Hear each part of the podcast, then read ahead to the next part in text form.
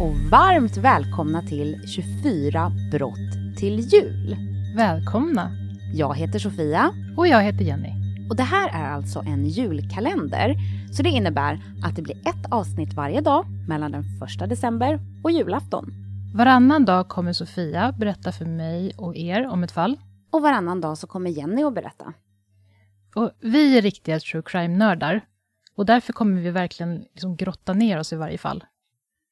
Och det kommer vara alla möjliga slags brott. Mord och massmord och seriemördare. Men även fall som liksom inte innebär några mord överhuvudtaget. Nej, och om det är jättehemska fall, då kommer vi inleda avsnittet med en varning. Men kom ihåg att vi pratar ju om brott, så de är ju självklart hemska ändå. Och vi har valt att använda citat på originalspråk om det är på engelska. För vi tycker att man liksom alltid förlorar lite av innebörden när man översätter. Men är du inte jättebra på engelska så kan du vara lugn, för vi kommer alltid efter citatet att sammanfatta vad som sägs även på svenska. Och vi har ett Instagramkonto som ni jättegärna får följa. Det heter 24 brott till jul. Och där kommer vi lägga upp bilder som har med fallen att göra och ibland lite tips om andra poddar och sånt man kan lyssna på. Eh, så in och följ! Ja, och nu kör vi igång med dagens avsnitt. Ja. Och idag är det du, Jenny, som ska berätta för mig. Jajamensan. Är du redo? Jag är så redo. Jag har ju försökt att hitta lite okända fall till den här podden. Ja. Eh, och det här trodde jag, jag fastnade jättemycket för det här fallet. Eh, men sen när jag började göra research så upptäckte jag att det inte alls är okänt. Mm -hmm. Var det det du skrev till mig om häromdagen? Ja, och jag funderar på, ska jag ha mer eller inte? Jag hittade bland annat en podd som bara handlar om det här fallet. Oj! Så att, eh, men jag kunde inte låta bli. Nej men då så. så men jag vi... tror säkert att du kommer liksom ge din egna version av det här fallet. Det kommer jag absolut göra. Du, var intressant. Och jag tänker så här att när du märker, om du känner igen det, mm. så hojta till när det blir liksom. Okej. Okay. Vi är i Kalifornien 1968. John Meehan föds. Och jag vet inte vad hans föräldrar nu hette. Nu vet jag vem det är. Du vet det va? Ja. ja. Um, jag vet inte vad hans föräldrar hette, men han hade i alla fall två systrar, Karen och Donna.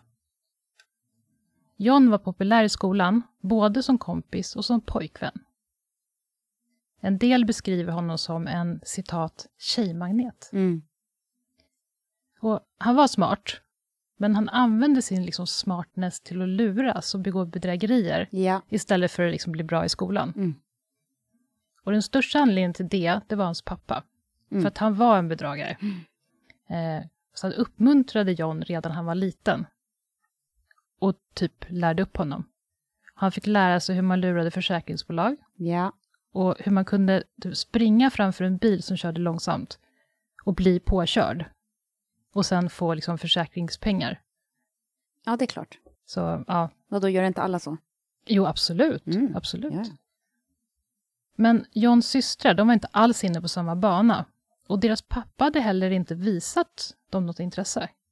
Så att de fick aldrig lära sig att begå bedrägerier. Han hade utsett John till sin liksom... Efterföljare, hans, ja. så. Ja. Eh, men John växer i alla fall upp. Och 1990 så gifter han sig med en kvinna som heter Tonya Sells ja. eh, i Ohio. Mm. Men ingen från Johns familj kom på bröllopet. Och Tonja hade aldrig träffat hans familj heller. Nej. Och John förklarar det här med att hans föräldrar är drogberoende, mm. vilket inte alls stämmer. Eh, men han säger det i alla fall, och han säger att han vill inte ta dit dem, för att då blir Tonja generad på bröllopet, inför sin egen familj. Mm. Eh, Tonja var i alla fall sjuksköterska, och hon hjälpte John att plugga så att han också blev sjuksköterska. Mm. Och de får två döttrar. Men när de hade varit gifta i tio år, i juli 2000, mm. så berättar John för Tanja att han vill skilja sig. Ja. Och av någon okänd anledning så söker då Tonja upp Johns mamma, som hon fortfarande aldrig har träffat. Eh, och hon upptäcker då att Johns mamma inte alls är drogberoende. Nej, just det. Och tidigare hade John alltid förbjudit Tonja att kontakta hans föräldrar. Mm. Men, och det hade hon liksom respekterat. Men nu när de ändå skulle skiljas, då brydde hon sig inte längre. Nej. Och då berättar Johns mamma saker om John som Tonja inte hade en aning om. Till exempel att John har flytt från ett åtal för droginnehav i Kalifornien. Mm. Och att han ljugit om sin ålder för Tonja. Mhm. Han har sagt att han var yngre än vad han var, vilket jag inte riktigt förstår. För att han var ju inte liksom gammal. Nej. Eh, Men han verkar ha någon slags... Just for the heck of it. Ja, men lite besatthet av att ljuga om allt. Mm. Och därför började då Tonja fundera på vad mer han har ljugit om. Just det. Och hon söker igenom hela deras hus, från källare till vind. Och hon hittar saker. Bland annat medel som man använder för att söva patienter. Mm. Alltså inte vanliga sömntabletter, utan starkare grejer. Och hon kontaktar polisen och de startar en utredning i september, alltså september år 2000. Mm. Men det verkar inte hända så mycket med den utredningen, för att det blir januari 2002. Alltså lite mer än ett år senare. Men en dag får en utredare som heter Dennis Luken hos polisen i Ohio ett litet märkligt tips på sitt bord. Mhm. Och här blir jag väldigt fundersam. För att det här känns som ett fall, det kommer du få höra snart, där man ringer 911 eh, och gör liksom en, en akut anmälan istället för att göra en sån vanlig anmälan som får ligga och vänta tills någon har tid med den. Eh, och att John inte hämtas in direkt är också märkligt. Mm. Därför att tipsaren som är en eller flera, det vet jag inte, medarbetare till John, som jobbar som sjuksköterska, berättar att, och han jobbar som sån här anestesisjuksköterska, så som är med på operationer och hjälper Ja. till att söva. Eh, han har tagit med sig vapen in i operationsrummet Mhm. vid ett tillfälle. Eh, och typ, ja men inte vet jag, något gevär och bara typ lagt på något bord Jaha. och så har det legat där. Eh, de har också sett honom stjäla Demerol, som Ja. är en slags morfintablett. Och det han då har gjort är att när han ska ge patienterna sin medicin, då har han liksom tagit den själv. Så de har inte fått den medicin de har behövt. Smärtstillande liksom. Ja. Fruktansvärt för de som verkligen behöver det. Ja, verkligen. Eh, Men nu i alla fall så åker polisen till Johns hus. Och de hittar bland annat ett gevär som ligger laddat och redo. Och de hittar också sex tomma burkar som har innehållit olika receptbelagda mediciner. Mm. Och då blir John av med sin licens. Han Mm. får inte längre vara Mm. sjuksköterska. Mm. Och han blir också åtalad. Han döms och han har erkänt allting. Eh, alltså, inte, inte vapnet, men han dömdes för att han hade snott medicin. Ja. Eh, Men istället för att åka med till fängelset, för att han, det var den typen av rättegång där han var liksom inte häktad och satt, utan han fick vara hemma och komma till rättegången. Mm. Eh, Så istället för att åka till fängelset så flyr han från Ohio till Michigan. Och där checkar han in på ett hotell. Men polisen hittar honom. Och då ligger han medvetslös på hotellsängen med massor med tomma burkar med smärtstillande Mm. runt omkring sig. Som han har snott alltså. Ja. Mm. Och frågan är om han liksom ville ta livet av sig eller om man... Ja, det är oklart varför han gjorde det. Ja. Eh, och nu blir det ännu märkligare för att en ambulans kommer och han lastas in supersnabbt, Mm. för de tänker ju att han är döende. Och de sätter på rödljusen och kör liksom paniksnabbt. Mm. För i ambulansen så vaknar John plötsligt till. Mhm. Eh, och han knäpper upp sitt bälte och verkar liksom helt plötsligt helt pigg. Och så tar han den här, de har som en, en väska med olika verktyg och mediciner och sånt, som Mm. de tar med sig in från ambulansen in till huset eller Just det. lägenheten. Den grabbar han tag med ena handen. Med den andra handen så öppnar han bakdörren till ambulansen och kastar sig ut. Och då tänker jag att det kan ju inte ha varit på motorvägen han kastas ut, för att han klarar sig liksom. Mm. Det måste ha varit, inte vet jag, när de närmar sig sjukhuset kanske de körde långsamt. Just det. Men eh, ändå så här, planerat att ta med sig så här, nu ska jag kasta mig ut från en bil, så det är nog bäst att jag tar med mig lite grejer så jag kan linda om mina skador som jag garanterat kommer få. Eller hur? Och lite mer smärtstillande, för det kände väl han att han behövde. Ja, jag gode tid ja. Så han börjar springa. Och förmodligen var de ganska nära stan, för han tar sig in på ett varuhus och springer mot hissarna.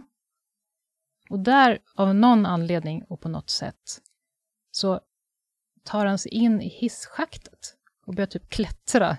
Mhm. Eh, vet inte varför. Polisen är efter honom och vakterna också på varuhuset. Och då lyckas det klättra upp en polis liksom under honom, varpå han sparkar polisen rakt i ansiktet. Mhm. Och polisen liksom ramlar ner och blir medvetslös. Mm. Men nu händer någonting annat, för att John, han tappar balansen. Han ramlar ner och slår i huvudet och blir medvetslös han också. Mm. Och då kan de äntligen handfängsla honom. Mm. Och nu var han ju inte längre i Ohio. Han har ju flytt till Michigan. Så att han döms till ett fängelsestraff här istället. Och det är två brott. Innehav av droger och för att han har flytt från poliserna och ambulansen. Mm. Och här är det lite oklart vad som hände med straffet han hade smitit från i Ohio. Jag vet liksom inte om det är inbakat i det här straffet på något sätt. Mhm. Men nu fick han en straff i alla fall som säger upp till sex år. Vilket är en jättekonstig formulering. Mm. Annars säger man väl tvärtom, att tio år, men minst sex år, eller någonting sånt. Eh, men det fick han i alla fall. Men han satt inte sex år. Han satt i 17 månader. Ja. Alltså inte ens ett och ett halvt år. Så 2004 så släpptes han. Mm. Och nu går tiden fort. Det går tio år. Och det blir 2014. Och jag kommer berätta lite senare vad han gjorde under de här åren. Ja, okej. Men nu är det 2014. Och då blir han åtalad för att han har eh, stalkat en kvinna i Laguna Beach i Kalifornien. Mm. Han hade träffat henne när hon låg på sjukhus. Och hon återhämtade sig efter att hon hade opererat en hjärntumör. Mm. Och på något sätt hade John nästlat sig... Det var svårt. På något sätt hade John nästlat sig in på sjukhuset utan att jobba där och presenterade sig som att han var hennes narkosläkare. Ja, han vet väl kanske lite hur man för sig på ett sjukhus, Precis. tänker med tanke på att han har jobbat som sjuksköterska. Ja, det är nog det. Så att hon, han kom och besökte henne då och då och typ undersökte henne lite. Eh, och hon trodde hela tiden att han var, han var Ja, hon läkare. trodde det också. Ja. Eh, så att han var förmodligen väldigt bra på att manipulera, tänker jag. Mm. Eh, men efteråt, när hon, när hon kom ut från sjukhuset, då började de dejta. Mm. Och de dejtade ett tag, men efter ett tag så började han prata liksom om pengar. Mer och mer. Och hon började tycka att det var lite obehagligt. Och den här kvinnan, hon var separerad, men hon var inte skild. Och John menade att det var ju dumt om hon skulle behöva dela på sina pengar liksom 50-50 med sin man när hon skilde sig. Mm. Och då sa han så här att, men stoppa in dina pengar på mitt bankkonto. Jag kan Ja. skydda dina pengar. Ja, Så slipper du ge hälften till din man. Du kan låta dem ligga på mitt konto istället. jättesnällt av honom. Verkligen. Mm. Men tack och lov, så hon såg igenom det här Mm. och hon gjorde slut. Bra. Men då, det var då det började, ståkandet. Han började skicka hotbrev till henne. Och de hade tagit lite så här, ja men, nakenbilder och bilder när de hade Mm. sex. De skickade han till hela hennes släkt. Han gjorde det, så han Ja. hotade inte bara om det. Nej. Men den här kvinnan, hon lät sig inte skrämmas, så hon anmälde honom. Och då vart han då åtalad för stalking. Mm. Och då blev han belagd med besöksförbud. Han fick liksom inget fängelsestraff. Eh, Men det här besöksförbudet klarar han inte av att följa. Han började stalka henne igen. Då åkte han in i fängelse. Mm. Och han blev utsläppt i oktober 2014. Och det är då den händelsekedja börjar som ska komma att bli slutet på hela den här historien. Mm. Den här delen av berättelsen, det kommer handla om en kvinna som heter Deborah Newell. Yes. Men först kommer jag ta dig, Sofia, er andra lyssnare, 30 år tillbaka i tiden. Okej. För att det här är en händelse som är intressant för berättelsen. Men den här mannen John, han har faktiskt inte att göra med det här. Okej. Men eh, ja, du ska få höra. Det är den 8 mars 1984. Och den här Deborah Newell, hon har en syster som heter Cindy. Mm. Och Cindy har varit gift med sin man Billy Wickers i 13 år. Men de senaste åren har inte varit särskilt lyckliga. Så Cindy och Billy har bestämt sig för att skiljas. Och nu är de mitt i processen. De har precis sålt sitt hus i Kalifornien. Och för pengarna som de, som de fick då skulle de köpa varsin bostad. Mm. Men Billy kunde inte acceptera skilsmässan och inte heller att behöva flytta från huset. Nej. Så när de stod i huset för att gå igenom liksom det sista, ja, men detaljerna, huset var sålt och Mm. då gick han upp bakom henne och sköt henne i huvudet. Mm. Och hon dog. Och sen sköt han sig själv i magen. Mhm. Och man vet inte varför han gjorde det, men förmodligen var det för att han skulle låtsas som att de hade fått ett inbrott eller blivit rånade eller någonting. Mhm. Och att han också, men det funkade liksom inte. Han hamnade i fängelse ändå. Men Men Hur allvarliga blev hans skador liksom? vet inte. För att de måste ju ha, han måste ju återhämta sig, för det vart ju en rättegång och allting, men Men det jag tänker på är om han sköt sig själv för att ta självmord liksom. Men att han var typ, inte vågade skjuta sig själv i huvudet. kanske. Det är svårt att veta om det var Mm. för att liksom fejka ett inbrott eller om det var... För jag tänker magen, om man ska begå självmord. Han kanske siktar på hjärtat. Ja, jag vet inte. Jag har ingen aning, men han överlevde i alla fall. Ja. Och det blev rättegång. Och då hände någonting som är ganska ovanligt, hoppas i alla fall. För Cindys, Cindy och Debras mamma Arlene, hon vittnade. Men det är inte så konstigt att hon vittnade. Nej. Men däremot, hon vittnade för försvaret. Alltså hon vittnade för honom. Ja. För att hon menade att Cindy hade älskat Billy jättemycket. Och allt det här som hade hänt, det var bara ett enda stort hemskt misstag. Mhm. För att om Cindy hade överlevt, eller om hon hade kunnat skicka ett meddelande till dem från andra sidan, då hade hon sagt att hon förlät Billy. Och att hon förstod varför han hade gjort det. Okej. Och Cindy skulle ha förstått Billy, sa hennes mamma, eftersom Cindy var en ganska hemsk människa. Säger hon alltså om sin dotter. Intressant. Ja. För att i själva verket förtjänade Cindy inte Billy. Och det var ett under att han hade stått ut med henne så länge som han hade gjort. Sa hennes mamma. Ja. Så att det var verkligen liksom victim blaming på hög nivå. Ja, det måste jag säga. Billy frikändes för mord. Mhm. Men juryn kunde inte enas om han skulle bli dömd till dråp eller inte. Okej. För att de, han skulle bli dömd för någonting. Eh, då förhandlade åklagaren med Billy och hans advokater. Och det slutade med att Billy faktiskt erkände sig skyldig för dråp. Men mot att han bara fick fem år i fängelse. Och 1986 släpptes han efter bara två år i fängelse. Och Cindys död påverkade naturligtvis hennes lilla syster Debra jättemycket. Alltså huvud, huvudpersonen i den här delen av historien egentligen. Så att Debra hatade verkligen liksom vapen av hela sitt hjärta. Mm. Och när, många amerikaner har ibland ett vapen för att kunna skydda sig i hemmet. Just det. Men Cindy, liksom hade, hon, hade hon en vän som hade ett vapen, då, då var det inte hennes vän längre. Okej, det var så pass. Det var verkligen jätte så. Men nu tillbaka till John Meehan. Just. När han hade släppts från fängelset, där han hade suttit för att han inte hade lytt det där besöksförbudet, Mm. eh, då var han på jakt efter en ny kvinna. Och då satte han ut en kontaktannons på nätet på en förmedling för personer över 50. Mhm. Och det var inte han, han var 47 tror jag. Okej. Eh, men två dagar senare får han i alla fall kontakt med Debra. Och hon arbetar som inredare och hon är väldigt framgångsrik, har ganska mycket pengar. Mm. Och John bjuder ut henne på restaurang, på deras första dejt. Och han berättar att han har arbetat som anestesiläkare i Irak. Mhm. Och han har också jobbat ett år eh, som volontär med Läkare utan gränser. Mhm. Och Debra kände direkt att det här kanske kunde vara rätt man för henne. Mm. Det var som att John hade allt som hon efterfrågade hos en man. Och att han var läkare, det betydde både att han var uthållig och ordentlig, eftersom han hade klarat utbildningen, Mm. men att han dessutom hade arbetat i kriget och dessutom till stor del volontärt.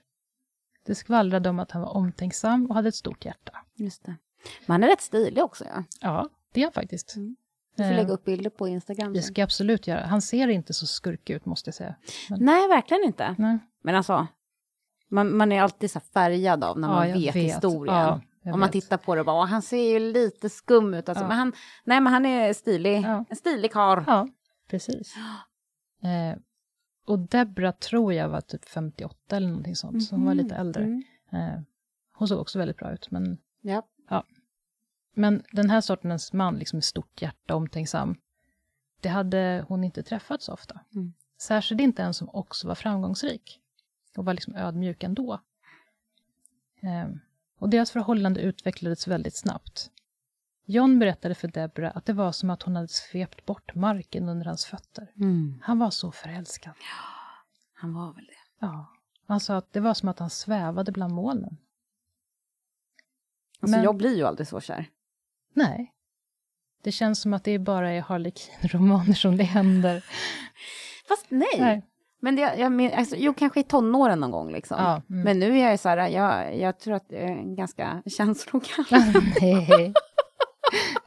Nej, men man kanske är lite mer rationell. jo, men det tror jag helt klart. Ja. Ja, det lät bättre än att säga känslokall. ja. Eh, men John, han är inte sån. Han följer sina känslor. Absolut. Tydligen. Ja. Men efter ett tag så var det vissa saker som började skava. Mm. Men samtidigt så hade Debra fallit så hårt för John att hon valde att bortse från de saker hon tyckte var lite underliga. Ja. Till exempel, han hade nästan alltid sina läkarkläder på sig, som han förmodligen hade stulit från ett sjukhus. Mm. Alltså även när han var ledig Just det. gick han omkring i dem. Just det. Och i och med att hon var ganska liksom, förmögen så blev hon inbjuden på ganska så fina, ja med olika bjudningar Mm. liksom. Eh, formella Mm. bjudningar. Då hade han också på sig sina läkarkläder. Det var som att han behövde det för att kunna, liksom, för han fejkade att han var läkare, att han behövde det för att liksom, visa att jag är verkligen läkare. Mm. Och det vet ju inte hon om såklart. Nej. Men hon tyckte ändå att det var lite skumt. Mm. Kan du inte klä dig lite bättre? Ja, precis. Dessutom var det konstigt att John aldrig verkade ha pengar. Han fick alltid låna av henne. Mm. Och han betalade aldrig tillbaka. Konstigt. Ja. Och när Debra lite försiktigt försökte fråga varför han inte hade några pengar, för att han var ju trots allt läkare, Mm. och hon visste ungefär vad läkare tjänar. Då sa han att men han skickade alla sina pengar till sina barn, Mm. för att de förtjänade det allra bästa. Och det där är ju också en sån här grej, för det är så svårt att ta upp en sån grej, Ja, när det är med, har med pengar att göra. absolut. Ja. Eh, men hon gjorde i alla fall det med väldigt liksom, ja, men försiktigt. Mm. Eh, och John sa att ja, om hans barn hade det bra, då var han lycklig. Det var det enda som liksom var viktigt, förutom Debra då. Eh, och om det innebar att han fick leva liksom knapert, för att hans barn skulle ha det bra, så gjorde han det så gärna. Fast det är också lite konstigt. Och En sak är ju att leva knapert, men han lever ju uppenbarligen över sina tillgångar med tanke på att han måste låna pengar hela Precis, han tiden. lever ju på henne Ja, i praktiken. ja. Och när, men när Debra hörde John berätta det här för första gången, Mm. då tyckte hon att det lät så himla fint. Ja, men det är klart. För att det var ju så i linje med hans självuppoffrande personlighet. Ja. Eh, Så det passade in. Läkare utan gränser och bara Precis. gör allt för sina barn. Ja, han gjorde verkligen allt för andra. Och han begärde ingenting för sig själv. Så fint. ja, men det är det ju. Men du och jag som vet. Ja, Ja. Så tycker Det man ju bara det. så här, åh, men Ja. alltså, ja absolut, man här kanske skulle gå på en sån grej. det hade varit intressant att träffa honom då faktiskt. Mm. Och se om man skulle gå på det. För nu låter det helt osannolikt. Ja. Eh, och det var det faktiskt lite för henne också, för att när förälskelsens första skimmer hade lagt sig så började hon undra ännu mer. För att hon tänkte så här att det måste vara otroligt stora summor som man skickar till sina barn. Om man skickar Precis. hela sin lön. Precis. Och han behöll så lite pengar själv att Debra fick försörja honom helt och hållet. Mm. Och hon tyckte det var konstigt för att de flesta människor, även om de liksom vill ge till sina medmänniskor, de brukar ändå vilja klara sig själva. Att liksom vara självständig, men han levde ju helt på henne. Ja, det är väl, det är väl jättefint om man liksom kan... Om man är så extremt oegoistisk att man skickar hela sin lön Ja, till sina barn, ja, så kanske man också är så pass oegoistisk att man... Att det skaver lite att, att behöva leva på ens flickvän. Precis, precis. Men han, verkade, han visade liksom inga tecken på... Att det var något Nej, konstigt, utan han bara, inte. ja, ja, nej, Ja. men du betalar allt. Ja, Det är väl inget konstigt. nej. Och han sa typ inte tack. Han tog det som en självklarhet. Ja. Yes. Men Deborah tyckte ändå att fördelarna med John övervägde nackdelarna. Mm. Men Deborah hade två döttrar. Jacqueline och Terra. Och Terra var lilla syster. Mm. Eh, De däremot hade tyckt att John var ganska kuslig redan första gången de hade träffat honom. Mm. Men samtidigt så var det länge sedan de hade sett sin mamma så här lycklig. Mm. Men tiden gick och snart hade John i princip flyttat in till Deborah. Och Jacqueline och Terra bodde fortfarande hemma. Och de började få svårt att stå ut. Mm. Särskilt Jacqueline, storasystern. Hon hade försökt vara lite finkänslig i början, men nu kunde hon inte hålla tyst längre. Hon hade verkligen försökt. Hon hade tänkt att de borde vänta med att prata med sin mamma, för att det kunde ju vara så att det intryck hon hade fått av John, att det var fel. Mm. Eh, att de skulle vänta lite och se om intrycket ändrades, men det Just gjorde det det. inte. Mm. Och både hon och Terra förstod liksom att men John var inte bra för hennes mamma i längden. Så en dag hon rakt ut till sin mamma att mamman borde slänga ut John ur huset, Mm. för att han var ett creep. Och om han inte flyttade, då tänkte Jacqueline göra det. Mm. Och lilla syster Terra, hon var också obekväm med närheten av John, men hon höll liksom tvivlet inom sig. Hon var lite, inte lika rätt fram som hennes stora syster Mm. var, så hon sa ingenting. Och nu låter det här som att de har varit tillsammans i flera år. Eller i alla fall ett bra tag. Mm. För att de hade kommit varandra så himla nära. Bor Och så, ihop. det hade, det hade, precis, det hade hunnit hända så himla mycket. Men vill du gissa hur länge de har varit tillsammans? Vad tror du? Två månader? Ja, en månad. Nej. Det är helt sanslöst vad fort det gick. Ja. Ja. Men John säger så här att varför vänta? Vi är inga ungdomar längre. Nej. Vi har inte all tid i världen. Låt oss gå hela vägen direkt. Alltså jag kan du ju relatera till. Jo, ja, jag vet, jag vet. Han inte är ung längre. Men en månad. En månad, okej. Ja. Nej, det... Jag hade nog inte haft så bråttom ändå. Nej, Men jag är heller inte 47, nej, som John Meehem. precis. Men jag misstänker att det här är någonting han har gjort, fast det kommer jag återkomma till, men att han har gjort det även när han var väldigt ung. Det skulle väl inte förvåna mig. Nej, Han har ju lärts upp av sin pappa. precis. Men han säger i alla fall till Deborah att han tycker att de ska flytta ihop på riktigt. Mm. För han har ju flyttat in hos henne. Och det är inte samma sak som att de har någonting gemensamt. Nej, just det. Eh, då kom de överens om att det bästa är att de skaffar en ny bostad. Och de hyr ett hus vid Newport Beach. Eller, egentligen är det förstås inte de som hyr ett hus. Nej, det är hon. Det är Deborah. Eh, och John är väldigt noggrann med att det är bara hennes namn som ska stå på kontraktet. Han vill liksom inte ha sitt namn på några avtal eller någonstans där han syns. Eh, och först tycker hon att det är konstigt.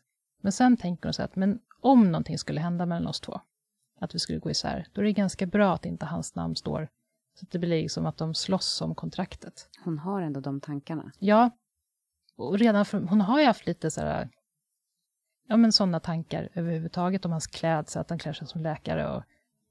Eh, men det är det här, hon vill så gärna. Fast där har jag ju också lite så här, i ärlighetens namn.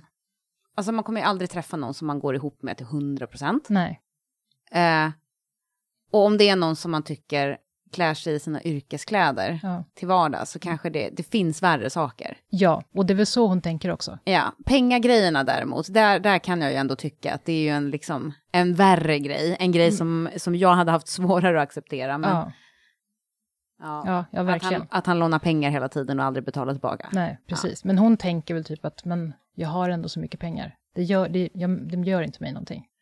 Det kan jag dock inte relatera till. Då. Nej, Jag har inte inte så mycket pengar. Inte jag heller. Men däremot så kan Deborah inte riktigt berätta för Jacqueline och Terra att de har flyttat ihop. Nej. För att Jacqueline och Terra bor fortfarande kvar i huset. Eh, men hon har de, två hus? hon har två hus. Men de märker efter ett tag att hon aldrig är där Mm. längre. Eh, Och då åker Terra, hon hittar väl det här huset på något Mm. sätt, och hon åker dit. Och då ser hon att John har alla sina saker där. Mm. Och då fattar hon liksom och blir helt galen. Mm. För att även om han hade tyckt om John, då hade det här varit vansinne. För de har ju bara känt varandra i några veckor. Mm. Och Terra har ju hittills inte sagt så mycket om Debras förhållande med John. Men nu är det som att hon exploderar. Mm. Och när John hör Terras ilska så blir han så förvandlad. Han blir ursinnig och frågar halvt skrikande vad Terra tror egentligen. Tror hon att John ska ta Debra ifrån Terra? Mm. Inser inte Terra att barn som beter sig som hon just nu gör förtjänar att få en fet smäll? Hm. Och då skriker Terra tillbaka till sin mamma och frågar hur hon kan låta John prata till henne på det här sättet. Mm. Men det är som att Debra inte riktigt reagerar. Mm. Hon svarar liksom inte. Hon säger varken bu eller bä. Och då vänder sig Terra om och störtar ut genom dörren, för att här tänker hon inte stanna en sekund till. Mm. Och det kan man förstå. Och när hon kommit utanför huset är vreden borta och istället börjar tårarna rinna. Mm. Det är som att hennes mamma faktiskt väljer John framför sina barn. Ja, det är ju lite så. Ja. Och det går ytterligare en månad. De har alltså varit tillsammans i två månader. Och då faller John ner på knä och friar. Ja. För att han älskar Debra så mycket. Han vill att hon ska bli hans på riktigt. Och Debra träffar fortfarande sina döttrar, men det har smugit sig in lite kyla mellan dem. Mhm. Och hon berättar dessutom inte för John att de träffas, för det vet inte han. Och han vill inte det heller. Och när Debra ska på en affärsresa till Las Vegas, då tar hon med sig John. Och när de är där så gifter de sig. Ja. Och nu hoppar vi till mars 2015. Okej. Och då har de varit tillsammans i sex månader. Och det är ju så sjukt att det här inte är så länge sedan. Eller hur? Ja. Och det sägs ju ibland att den här första liksom himlastormande förälskelsen, den håller sig typ i sex månader. Mm.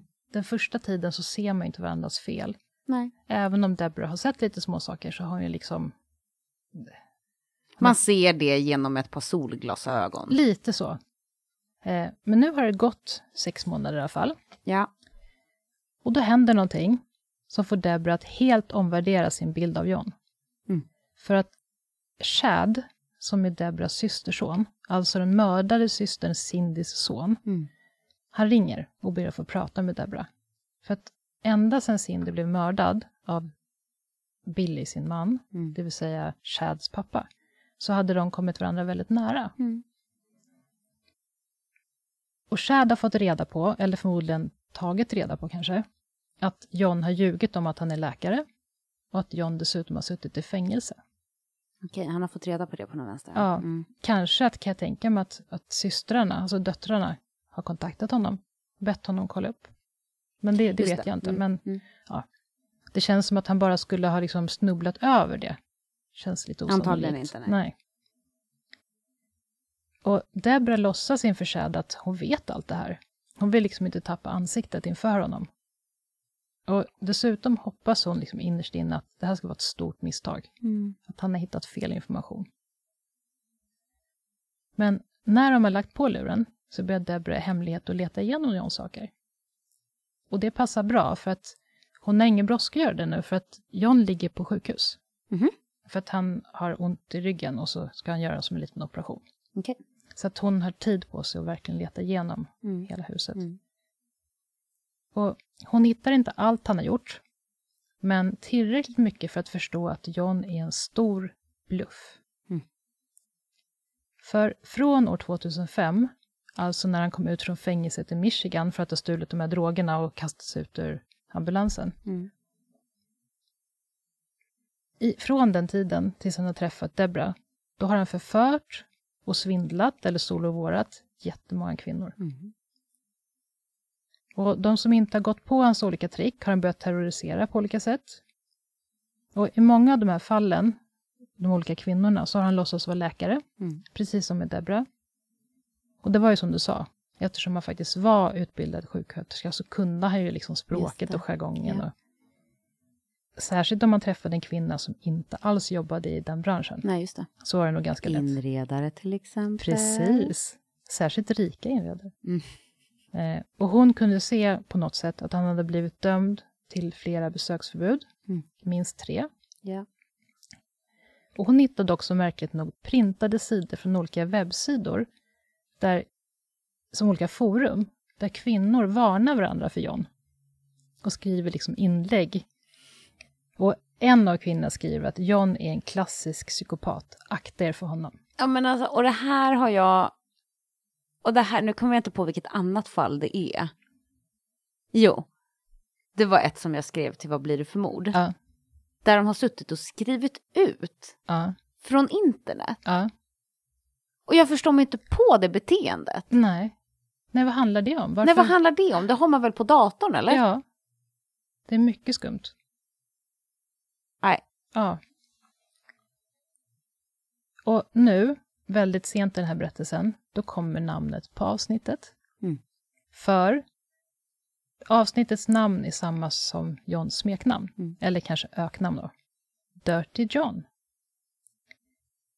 Och det står också i de här olika webbforumen. Ibland står det hans namn, John Mihan, och ibland står det Dirty John. Och nu kommer jag också till det här, varför printa? Är det för att han liksom har koll på vilka kvinnor som vet om det här, Mm. så att han inte ska ge sig på dem? Eh, Det är oklart.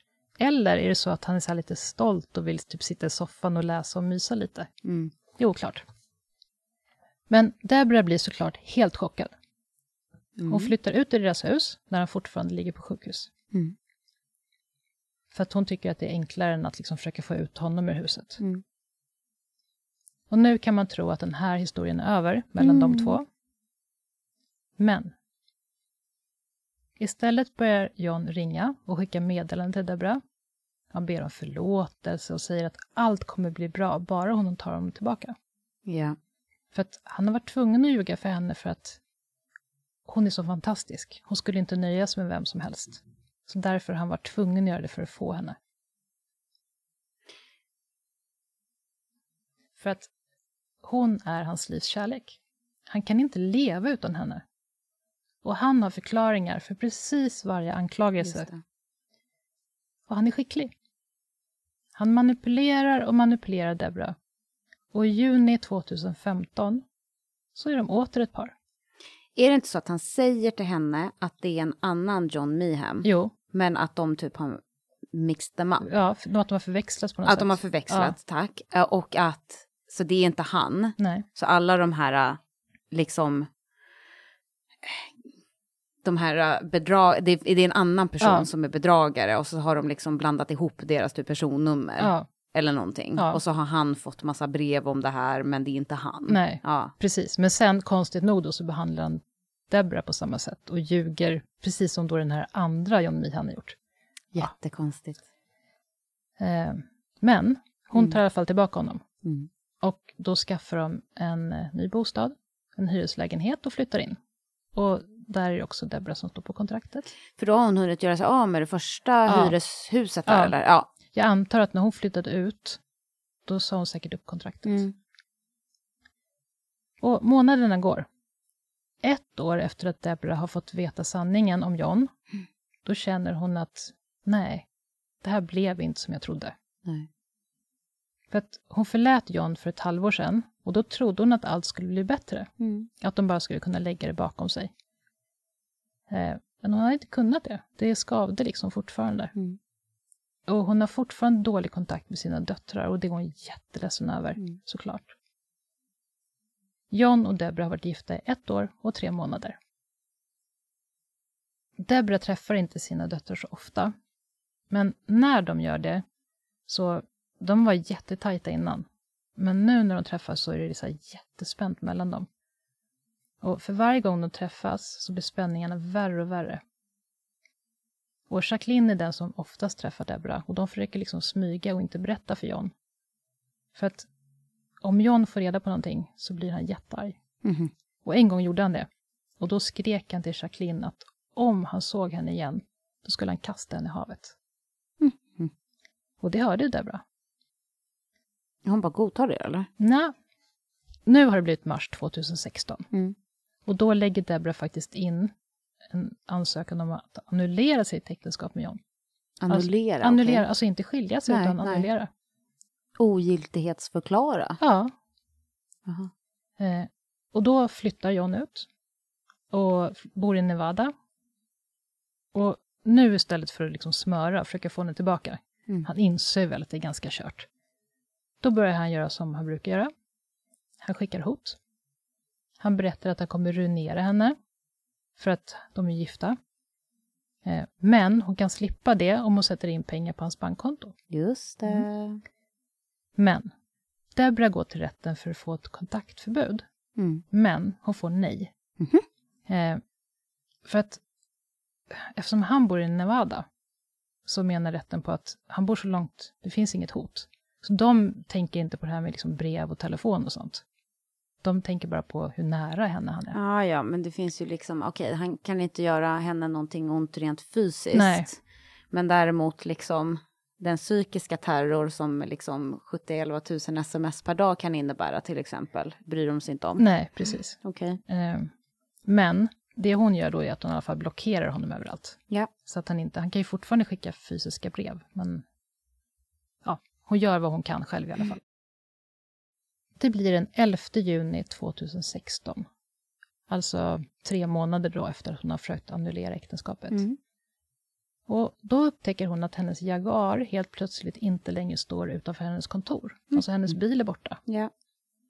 Och när poliserna tittar igenom övervakningsfilmerna så ser de tydligt att det är John som tar bilen. Mm. Senare hittas bilen bara något kvarter därifrån och den är helt indränkt i bensin. Och John har försökt att tutta på den, men har misslyckats. Ja. Så det brinner lite i ett säte, men det är liksom inget mer. Men tiden går. De, de hittar honom inte. Men hon hör heller ingenting mer från John, Nej. så hon andas nästan ut. Men den 19 augusti 2016, alltså lite drygt två månader efter att han tog bilen, Mm. då ser Jacqueline John stå utanför hennes lägenhet, alltså Debras äldsta dotter. Ja. Och hon blir rädd förstås. Mm. Hon åker iväg och sover hos en vän. Och så ringer hon till Terra och varnar henne för att John är i stan. Mm. Men de kan ju liksom inte hålla sig undan hela tiden. Men Det går inte. Nej. Men i alla fall, redan dagen efter, den 20 augusti, då kommer Terra hem från jobbet och parkerar sin bil utanför, Mm. alltså utanför, utanför sitt hus. Och när den kliver ur så kommer John fram bakifrån och attackerar henne med en kniv. Han försöker putta in henne i bilen och han lägger handen på hennes mun för att hon inte ska skrika. Mm. Och då biter hon så hårt hon bara kan. Mm. Och John, han var lång och ganska storvuxen. Mm. Och Terra var raka motsatsen, hon var väldigt liten. Så det såg ut att bli en ganska ojämn kamp och att Terra skulle förlora. Mm. Men hon hade någon typ av... Det stod att det var stövlar, alltså regnstövlar. Mhm. Men jag tror inte att de har riktigt sådana som vi har i USA. Det var mer, de Inte så stod... här gummistövlar som Nej. är ute på myren. Precis, för det stod att de var så här stål eller järn... Stålhätta? Ja, stålhätta på dem. Jaha, Så okej. att det känns mer som någon slags kängor av Ja, något slag. Fast det kan ju vara, fast det finns eh, Gum, gummistövlar med. gummistövlar med stålhätta, det har jag. Jaha, Ja. men då var det kanske sådana hon hade då? Men det låter ju som eh, alltså arbetskläder. Ja. Det var det mina var, eller ja. Och, och det kanske det är, för att jag vet inte vad hon jobbar med. Nej. Så det kan det vara. Så det kan det vara. Men hon lyckades alltså sparka honom, så att han ramlade ner på marken. Men han höll ju fast i henne, så att hon ramlade också. Ja. Och då lyckades hon faktiskt också sparka kniven ur hans hand Mm. och få kniven i sin hand. Yes, Eh, och hon var ju livrädd. Hon behövde försvara sig själv. förståeligt. Eh, så hon högg honom. Mm. 13 gånger. Mm. Varav den sista gången rakt genom ögat. Mm. En granne hade sett tumultet och ringde polis och ambulans. Och sprang då ner för att hjälpa henne och virade en handduk runt de sår som hon hade fått. För hon hade också fått Ja, med sår klart. på händerna. Och, och grannen hjälpte Terra att ringa till sin mamma. Mm. Och höll liksom luren mot hennes mun. Och så typ- säger hon så här. Jag är ledsen mamma. Jag tror att jag har dödat din man. Mm. I'm really, really sorry. I think I killed your husband. Men John var inte död. Ambulanspersonalen lyckades få igång hans hjärta. Men hans hjärna hade inte klarat de 13 huggen, så han förklarades hjärndöd. Okej. Den 24 augusti 2016, alltså fyra dagar efter att han hade överfallit Terra och hon hade försvarat sig själv, då fattade hans syster Karen beslutet om att stänga av respiratorn. John Meehan kremerades. Det blev ingen begravningsceremoni. Nej. Och det här var berättelsen om Dirty John. Just det. Den är spännande tycker Nej, jag. den är så, alltså Ja. jag... Jag har ju hört den här podcasten Ja. som handlar om Dirty John. Ja, Eh, jag var och hälsade på min syster i Berlin, där hon bor. Över en påsk, när hennes man var bortrest. Och så hade hon någon så här äh, hylla som skulle monteras. Och jag Ja. bara, men ska jag ta hand om den liksom? För hon har två barn och har ju mycket. Jag bara, ja men det får du jättegärna ja, göra. ja. Så då gick jag ner till källaren där den hyllan skulle stå. Och Mm. så, så lyssnade jag på, på Dirty John. Medan Åh. jag monterade en hylla. Alltså jag minns det. ja, Jag minns det. Och det. Jag visste ingenting. nej, För jag tror jag... Då, då hade man inte hört någonting nej, överhuvudtaget. Och det var ju verkligen så här, du vet, alltså ju mer som bara... För där tror jag att de börjar med att Debra och John träffas. ja, Alltså där i den, så då har man ju ingen Nej. aning. Och sen så bara liksom vecklas allting ut och man bara, men det är ju inte sant. nej. Det har gjorts en tv-serie också. Just det, det har Mm. jag gjort. Eh, Ehm, det kanske inte var min favorit så. Jag ty- tycker nog, alltså podcasten är mm, så mycket bättre. Liksom. ja, De intervjuar ju Debra och döttrarna och allt sånt där. ja. Jag kommer lägga ut lite olika tips på Instagram Det och borde bilder. du verkligen göra. Det är fantastiskt bra. Japp, på 24 brott till jul. Ja, det är dit ni ska in dit och följ så får ni se bilder, inte bara från dagens avsnitt utan även från andra. Precis. Och jag hoppas att ni har gillat dagens fall. Alltså jag gjorde ju det. Vad bra. Vad härligt också att få en, en annan take på det, som, precis som jag visste att du skulle göra. Liksom. Ja, ja men vad bra. ja Men självklart. tack för idag. Tack för idag. Vi hörs imorgon. Det gör vi. Då! Hej då!